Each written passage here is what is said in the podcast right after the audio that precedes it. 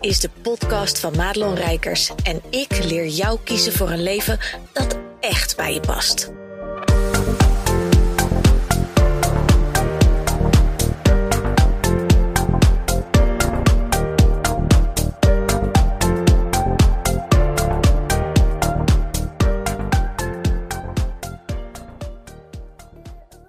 Wat goed dat je weer luistert naar de podcast. En ze zit weer in de auto hoor. En dit keer niet eens in mijn eigen auto. Want ik zit in de auto van mijn moeder. Dus misschien dat je deze ietsje meer hoort. Dat is ietsje meer, uh, uh, ja, misschien een koekblikgeluid. Ik weet het niet. Dus sorry. Maar goed, ik ga dit allemaal niet wegediten en poetsen. Uh, als, mocht je ooit denken, hoe doet die Rijkers dat nou met die podcast? Nou, dat is heel simpel. Ik heb mijn telefoon, ik heb een iPhone. Daar zit een dictafoonfunctie in. Ik heb oortjes in. En dan lul ik dus aan één stuk door dat ding vol met wat ik te melden heb. En vervolgens plemp ik dat gewoon uh, op mijn computer. Ik zet mijn intro en mijn outro erachter. Tada, niks meer aan doen. Gaat dat op Podbean, krijg jij het zo in Spotify of iTunes uh, of waar je dit dan ook luistert. Dus dat eventjes uh, voor, voor de techniek, zeg maar. Er zijn hele legio mensen die laten het allemaal oppoetsen en wegpoetsen. En ja, dat zou misschien voor jouw oren lekkerder zijn. Kost mij een hoop geld, heel veel tijd, heel veel extra energie. Dus ik denk, hé hey, weet je, het gaat om de waarde en de informatie. Dus als ik niet om aan te horen ben, er zit altijd een mooie drukknop op. Je kan je altijd afmelden, maar uitzetten, whatever. En uh, doe dat ook vooral als je dat uh, voelt. Want wat ik zeg moet ergens aanhaken en je moet het niet met een soort weerstand gaan luisteren. Los van de gewone ego-weerstand, omdat ik iets zeg wat je eigenlijk niet wil horen, maar wat je nodig hebt om te horen. Maar je snapt wel wat ik bedoel. Um, ik ben onderweg naar mijn uh, orthomanueel therapeut. En dat is de man die mij uh, minstens één keer per jaar weer even recht timmert. Ik heb een uh, oude bekkeninstabiliteit van mijn eerste uit 2010 overgehouden. En uh, ja, dat is af en toe gewoon een staak scheef. En dan moet het even, hè. En dat is mooi, want bij mij duurt dat altijd lang. Ik heb altijd eerder pijn dan dat ik naar de therapeut ga. En dat is misschien wel leuk om even te onthouden ook. Um, dat, dat het echt waar is wat we altijd zeggen natuurlijk in coachland en met onze eigen klanten. Uh, mensen gaan pas bewegen als de pijn te groot wordt. Dus dat geldt voor alles. Omdat dat wat je moet doen is nooit comfortabel. Als je ziet hoe die man mij onder handen neemt, dat zijn geen geintjes meer. Hè? En even los van het feit dat die, die vent een meijer geven. Voor de Amsterdammers onder ons, die weten wat een meijer is. Maar een meijer was vroeger 100 gulden. Dus ik, ik kop hem even door naar 2021. Ik geef die man 100 euro, zodat hij me met een soort van ja, stratenmakersgereedschap, ik, ik kan het niet anders noemen, um, in elkaar kan hengsten. Waar ik minstens drie dagen blauwe plekken van heb. Um, maar waardoor ik dus wel recht sta en dus in de basis ook minder pijn heb. En wat ik altijd heel bijzonder vind, want het is heel vaak zo dat op het moment, het zit bij mij in mijn SI-gewricht. Nou, dat is een beetje zeg maar helemaal onderaan je rug bovenaan je bips, daar zit een soort van hè, dingetje in je bekken waar die een soort drie-eenheid waar dat hele gedoe samenkomt. Nou, dat gaat bij mij geregeld mis. En op het moment dat dat niet lekker gaat, dan gaat het in de rest van je ruggengraat en in je nek ook niet helemaal lekker. En dan ontstaan dus ook allerlei randklachten die gewoon irritant zijn. Ook met spieren die niet lekker gaan, waardoor je hoofdpijn kan krijgen. Nou ja, uh, hoop gelul. Maar de grap is dat als hij me dus recht getimmerd heeft, en dat vind ik dus een bijzonder ding, um, dan, dan voelt het ook letterlijk alsof er weer energie stroomt. En dat vind ik interessant, hè? want uh, ik, ik heb natuurlijk een heel netwerk met mensen die allemaal bezig zijn met chakra's en dat soort dingen. Nou, dat is voor mij, is dat altijd nog even dat gebied waarvan ik denk, ik sluit tegenwoordig niks meer uit. Hè? Laat ik dat even voorop stellen, want ik riep ooit heel hard uh, over, over bosheksen en, uh, en ik ga niet met Sali bij volle maan door het bos rennen met blote reet.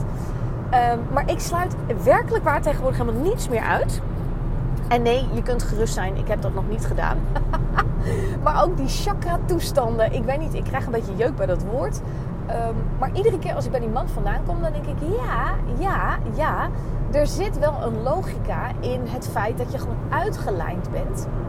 En dat daardoor uh, een soort energetische banen, meridianen, weet ik veel, dat dat beter op zijn plek is.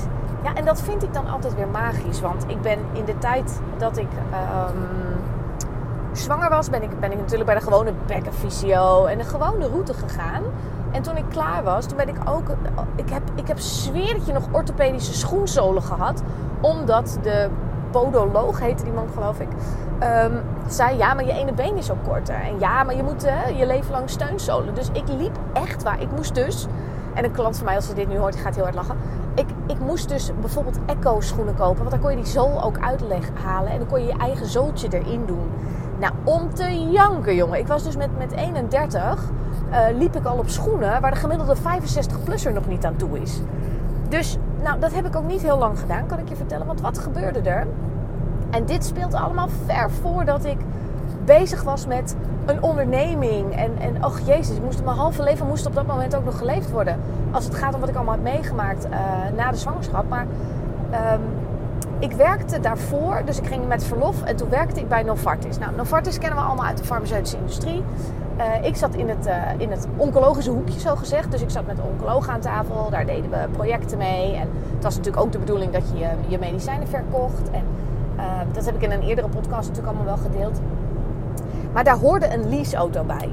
En, en dat is wel iets wat ik uit die tijd nog wel eens mis. De tankpas en de leaseauto. Um, maar op een gegeven moment ging ik natuurlijk uit dienst. En dat was al uh, toen ik mijn kindje had. Dus ik, ik, ik, was al met verlof, ik werkte al niet meer.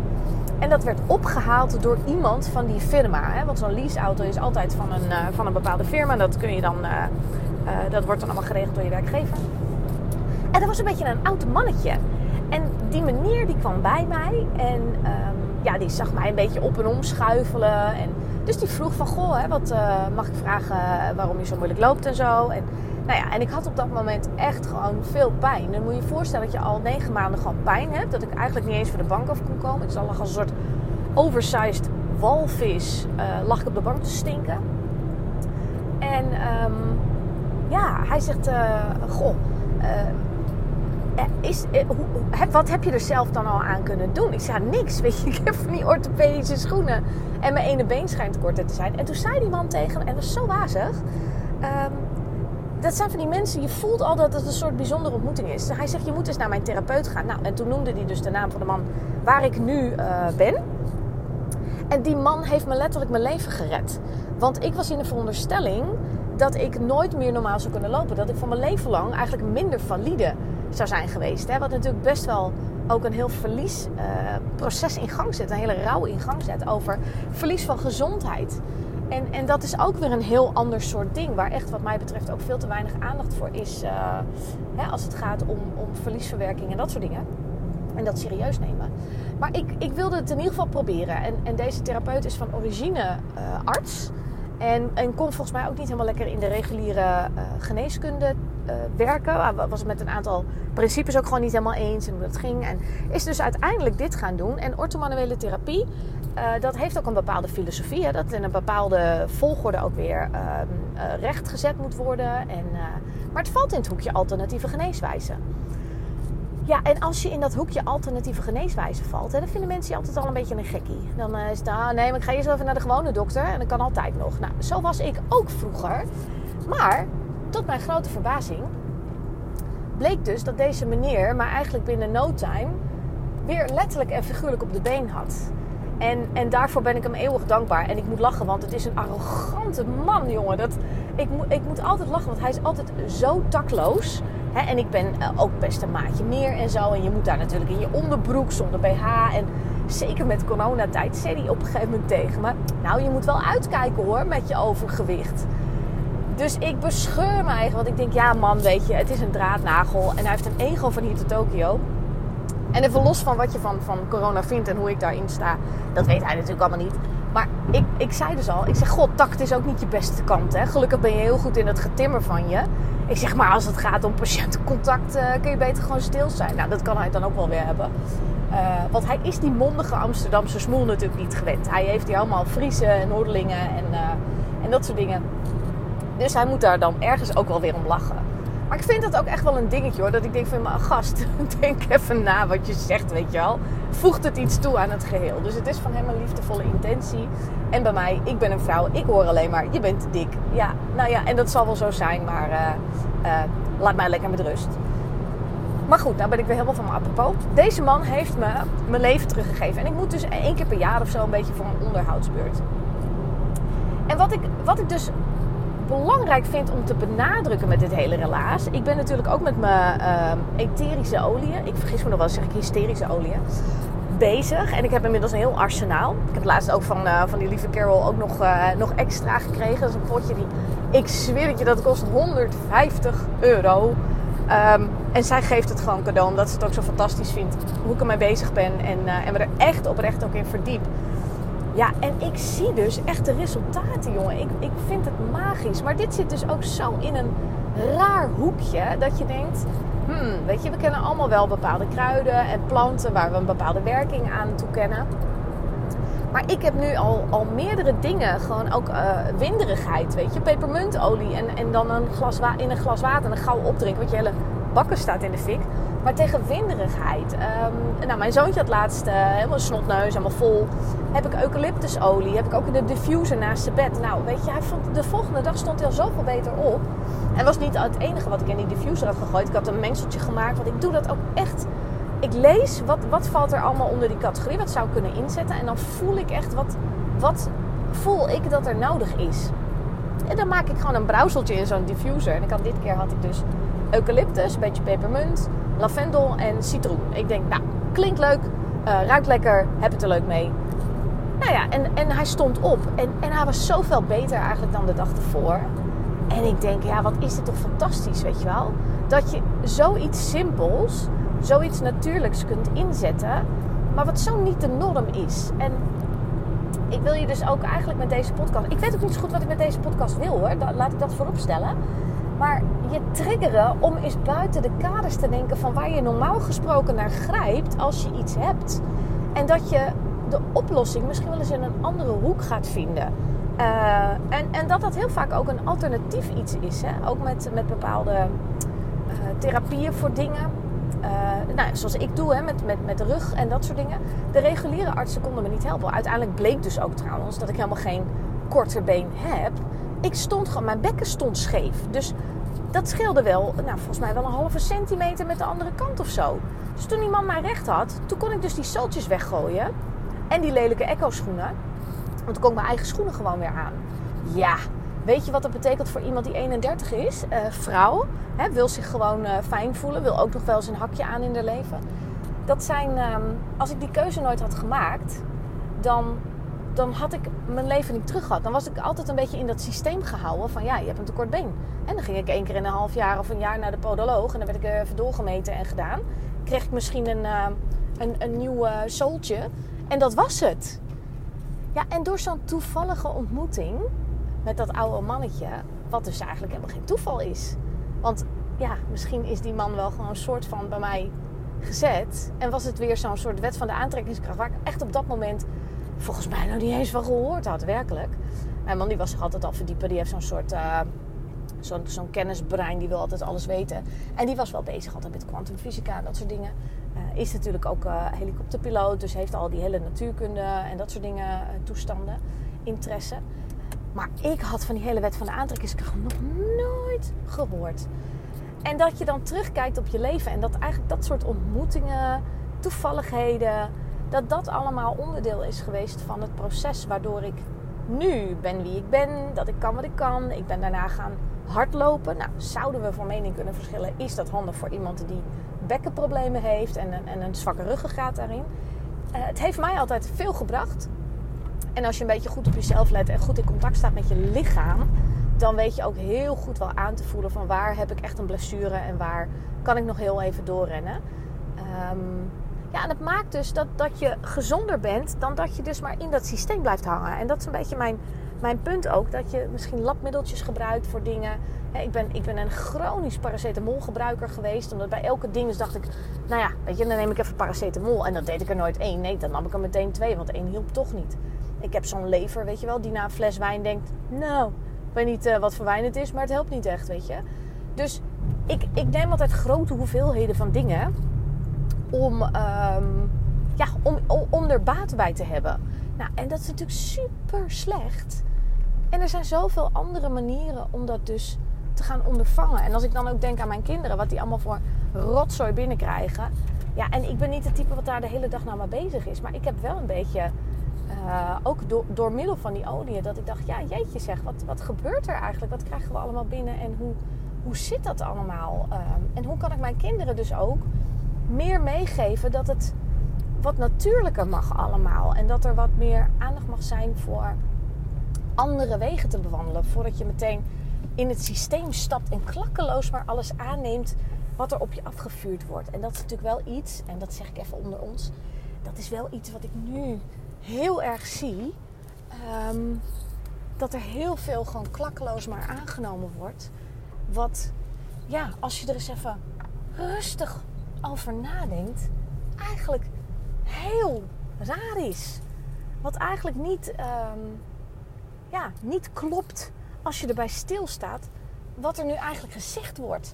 En dat is een beetje glad ijs, hè? maar ja, goed, als je mijn Instagram stories uh, bekijkt, dan weet je wel dat ik me vaker uitspreek over dit soort dingen. Maar uh, ga nou eens kijken naar andere dingen die er mogelijk zijn, in plaats van dat je altijd maar het geëikte doet. Want ik geloof oprecht dat je daar een gelukkiger en gezonder mens uh, van gaat worden. En dit is zonder dat ik nou ineens de, hè, de duurzame kant op ga. Of, of ineens ga prediken dat iedereen in het alternatieve circuit moet gaan zitten circuleren. Zeer zeker niet.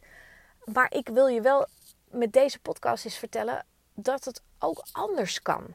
En dat het niet altijd volgens de regeltjes hoeft. En dat is hetzelfde, want hè, ik bedoel, ik blijf business mentor. Dus als ik de link leg naar bedrijf bouwen, het kan ook echt anders. En daarmee ga ik ook een klein tipje van de sluier oplichten over mijn baanbrekende plan, uh, zoals ik dat noem. Ik heb echt een, een idee in mijn hoofd, wat een, wat een kentering hoop ik gaat veroorzaken bij mensen. Om het eens over een andere boeg te kunnen gooien. Om het eens uh, vanuit een ander perspectief te benaderen. Eentje waar, waar, waar iedereen, wat mij betreft, gelukkiger van zou kunnen worden.